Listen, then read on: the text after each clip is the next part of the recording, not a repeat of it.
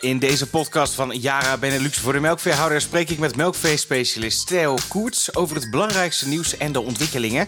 Vandaag hebben we het onder andere over de Gras N-app, het wel of juist niet kopen van kunstmest en de belangrijkste momenten tijdens de winter. Theo, goedemorgen. Wat een, uh, wat een weekend hè met Max Verstappen. Ja, het was weer heel apart. Dit was uh, samen met 5 miljoen andere mensen heb ik ook weer zitten kijken. Het was echt grandioos, vooral dat laatste stukje. Maar dat, ik ga ervan uit dat de meeste mensen in ieder geval al een keer meegekregen hebben. En ergens wel eens een, al hebben ze niet gekeken, wel een snippetje op Facebook gezien van uh, over de race, hoe het allemaal verlopen is. Maar ja, het is uh, super. Echt super. En, en eerlijk, heb je ook een traantje gelaten? Uh, nee, dat niet. Zo, zo in, intens heb ik het niet beleefd. Ik uh, vond het wel heel erg mooi. En wel te zien hoe zij en zijn pa, hoe ze, wat ze er allemaal voor op hebben moeten offeren voordat ze zo ver zijn gekomen om wereldkampioen te worden. Maar het is hem gegund. Het is hem gegund, dat zeker. En ik moet eerlijk toegeven dat ik het wel, uh, ik heb wel een traantje gelaten. En niet zozeer vanwege Max, maar meer vanwege al die spanning in de laatste ronde. Hè, negen maanden leef je toen naar een moment en het komt eruit in anderhalf minuut. Ik, uh, ik ga daar niet zo goed op.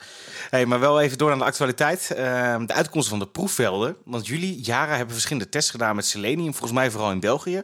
Wat hebben jullie onderzocht? Nou, wat wij onderzocht hebben, we hebben gewoon op een, op een drie plaatsen in België, twee plaatsen in Nederland. In Nederland hebben we niet het hele jaar gedaan. Hebben we gewoon uh, de, de, eerste twee op het ene bedrijf en de derde en de vierde snede op het andere bedrijf. Maar in België heb ik een heel mooi vergelijk uh, gekregen van drie bedrijven. Eentje in Moldegem, eentje in Bellem-Aalter en eentje in Pelt. En daar zie je dus hele mooie resultaten uitkomen. En daar hebben we op de eerste en de tweede snede overal weidesulfan gegooid. Deze weidesulfan hebben we net zo in de hoeveelheid stikstof gegeven die is normaal gegeven wordt op een traditionele manier. Nou, en dan zie je dus de uitkomsten. Uh, ik heb ze hier ook voor me staan. En dan zie je, ja, uh, ik kan er een paar noemen. Uh, in een eerste snee in Bellem-Aalter 24 zonder seleniumbemesting en 432 met seleniumbemesting. Nou, dat zijn toch wel getallen die er echt uitklappen. En ja, dat is, daar zit het ook ongeveer tussen. Als je bij alle zaken kijkt, dan zit je maximaal een keer zonder seleniumbemesting 75. En ja, de piek die zit zelfs bij eentje die zit tegen de 500 aan met seleniumbemesting. Dus dat gaat hartstikke goed. dus de Nutribooster, ook met weinig bemesting, minder bemesting, zie je ook duidelijke goede verhogingen van selenium. Dus het was een praktijkproef. Het is een, een proef die je gewoon aan moet tonen. Gooi ik selenium, komt het in het gras? Ja, en dat gebeurt gewoon. En dat wisten we eigenlijk al. Maar onderbouwing met praktijkcijfers is altijd goed. Dus heel blij mee. Ja, want die proeven die zijn uitgevoerd met een relatief nieuwe meststof Nutribooster, toch? Ja, we hebben de, de, de, de Nutribooster, die hebben we van het zomer geïntroduceerd. Uh, van het voorjaar zijn we er eigenlijk mee begonnen. Dus de, de derde en de vierde snede hebben we hem erop uh, gezet. Uh, prima meststof als opvolger van de weidesulfan, dus voor de derde en de vierde snede.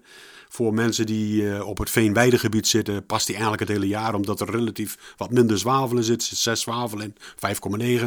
Dus daar past die heel goed op. Dus dan kun je ook direct in het voorjaar met 15 ppm selenium erin, dus met wat meer. Vaak gooi je op je veenweidegebied gooien ze wat minder stikstof. Dus dan met wat meer selenium krijg je toch hetzelfde niveau aan selenium in het gras. En ja, voor mensen die uh, uh, vleesvee houden is het ook een ideale meststof. Niet te veel stikstof geven, maar wel erg veel selenium, of erg veel, de juiste hoeveelheid selenium, om ook het vleesvee te voorzien. Want vleesvee heeft ja, bijna een dubbele uh, behoefte ten opzichte van melkvee. Dus dat, daar, daar past hij ook heel mooi bij. Dus hij is breed inzetbaar. En uh, ja, de, de, dit, dit winter wordt eigenlijk de, de echte eerste verkoop. Van het zomer is hij geïntroduceerd. En uh, nou, we gaan kijken hoeveel ze hem weg kunnen zetten. Maar hij past eigenlijk overal. Iedereen is ook laaiend enthousiast als je erover vertelt. Ja. ja je maakt er een mooi bruggetje naar de winter. Die komt eraan, nog een kleine week meteorologisch gezien. Uh, wat dat betreft kan je normaliter zeggen dat het groeiseizoen voorbij is. En nou moet ik zeggen dat de temperaturen zodanig hoog zijn nu, terwijl we deze podcast opnemen, dat er nog wel wat groei realiseerbaar is, denk ik zo. Uh, maar wat, wat kan ik nu doen met mijn hectares op dit moment? Op dit moment kun je niet zo heel veel doen. Gewoon uh, goed kijken van uh, zijn er stukken die onder water staan, dus eventueel water eraf laten lopen. Want verzuipen, daar uh, word je ook niet vrolijk van.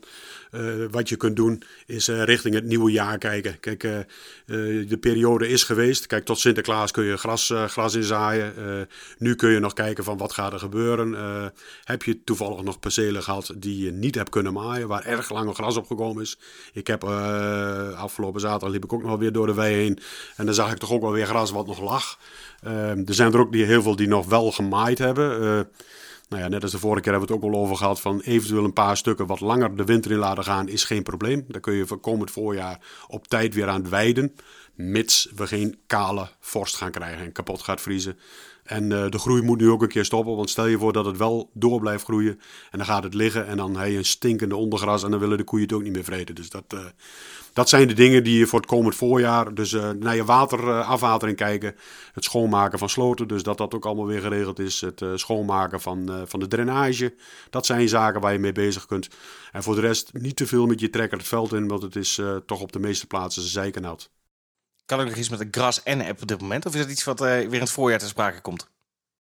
Nou, de Gras app die gaan we weer opstarten. Die, uh, die wordt weer, we gaan in januari ook nog een, eh, een, een meeting of als het ware een test gaan we doen. Dus daar zoeken we ook nog mensen voor die daarin mee willen doen. Ehm, daarna gaan we hem in een, wat bredere zin gaan we hem opstarten, zodat iedereen vragen kan stellen. Ook met ondersteuning van Wim Bussing erbij. Dus dat we een goede start van het nieuwe jaar maken. Je kunt hem uh, nu al wel bekijken en kijken van, uh, snap ik het hele verhaal? Uh, het wijst zich in principe vanzelf. Maar als er vragen zijn, kun je altijd bij mij terecht en kom ik helpen. Of ik, online kunnen we ook heel veel dingen oplossen. Dus je kunt hem alvast weer daarna gaan kijken en voor het komend jaar opzetten. Ja, tijdens de vorige podcast hoorde ik nogal onheilspellende berichten van jou met betrekking tot de aankoop van kunstmest. Prijzen zijn hoog, beschikbaarheid is laag. Het is een kwestie van vraag en aanbod, dus we weten wat het doet met de prijzen. Wat is de actuele stand? Ja, actuele stand is, uh, er komen nogal wat rare berichten uit, uh, uit de wereld. Uh, Rusland schijnt de export van kunstmest stopgezet te hebben. Nou ja, we gebruiken over het algemeen niet zo heel veel product vanuit Rusland hier. Maar dat betekent wel dat er in de markt weer meer gevraagd wordt van hier. Als er daar niet geëxporteerd wordt, betekent dus dat het aanbod weer gaat dalen. En dat heeft uh, weer als gevolg dat er, uh, de prijs zeker niet zal gaan dalen. Ja, het is de vraag uh, die ik overal krijg. maakt niet uit waar ik ben. alle melkveehouders, ik heb heel veel telefoontjes van mensen die zeggen: wat moet ik nou? Ik kan het krijgen momenteel voor 56 euro. Moet ik kopen? Ja, nee, ja, nee. Ja, op dit moment zie je dat eigenlijk bij iedereen ook de prijzen op beginnen te lopen. De, de oude voorraden die lijken wat op te zijn. Dus mensen die al wat gekocht hebben voor de lagere prijs, die hebben het nou, hoofdzakelijk wel in de markt gezet. Zo, zo, zo lijkt het tenminste. En nu zie je bij iedereen zie je de prijs ook oplopen. En hij gaat... Uh, ja, de kalkamon, uh, waar ik niet direct een voorstander van ben voor de eerste en de tweede snee, maar de, de, de, de sulvan, de kaswavel. Uh, ja, dat is een, een product wat ja, toch wel rijkelijk boven de 600 per, per ton of de 60 euro per, per 100 kilo gaat. Dus die, die, die prijzen lopen op. Dus de voorraden lijken wat op. De prijzen, ja, dus... En dan de beschikbaarheid. Ja, dat is een, een dingetje van iedereen wil graag weten, als ik straks bestel, krijg ik dan ook product? Ja, daar zijn heel veel discussies over. Daar is men nog niet over uit. Maar ik, zou zeggen, krijg je een leuk aanbod? Uh, ja, uh, sla toe op het moment. Dan weet je in ieder geval zeker dat je eerste snede. En na de eerste snede wordt gezegd van... Ja, dan kan hij wel eens gaan zakken als er geen strenge winter komt en de, de, de gasleidingen worden niet door Poetin doorgehakt en, uh, en alle andere dingen. Dan zal het allemaal meevallen, dan zal die prijs weer, weer onderuit gaan. Maar als je nu een goed aanbod krijgt, uh, ik zou zeggen pak hem. Ja, dus de antwoord op de vraag der vragen, nu inkopen of afwachten, zou je op dit moment zeggen nu inkopen als je een goed aanbod krijgt. Um, is dat bieden ook nog mogelijk bij Yara? Nou ja, wij doen, uh, we hebben weer een RFQ. Bij ons inkopen, dat, uh, dat gaat niet. Uh, bij ons komen de vragen binnen van ik heb interesse.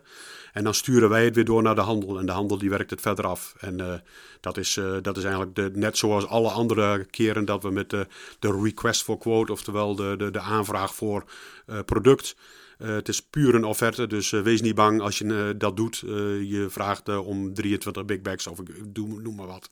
het is niet zo dat die al verkocht is. Dus stuur gewoon die vragen in en dan krijg je vanzelf een aanbod. En je kunt aangeven bij welke firma je de, de prijs wilt hebben.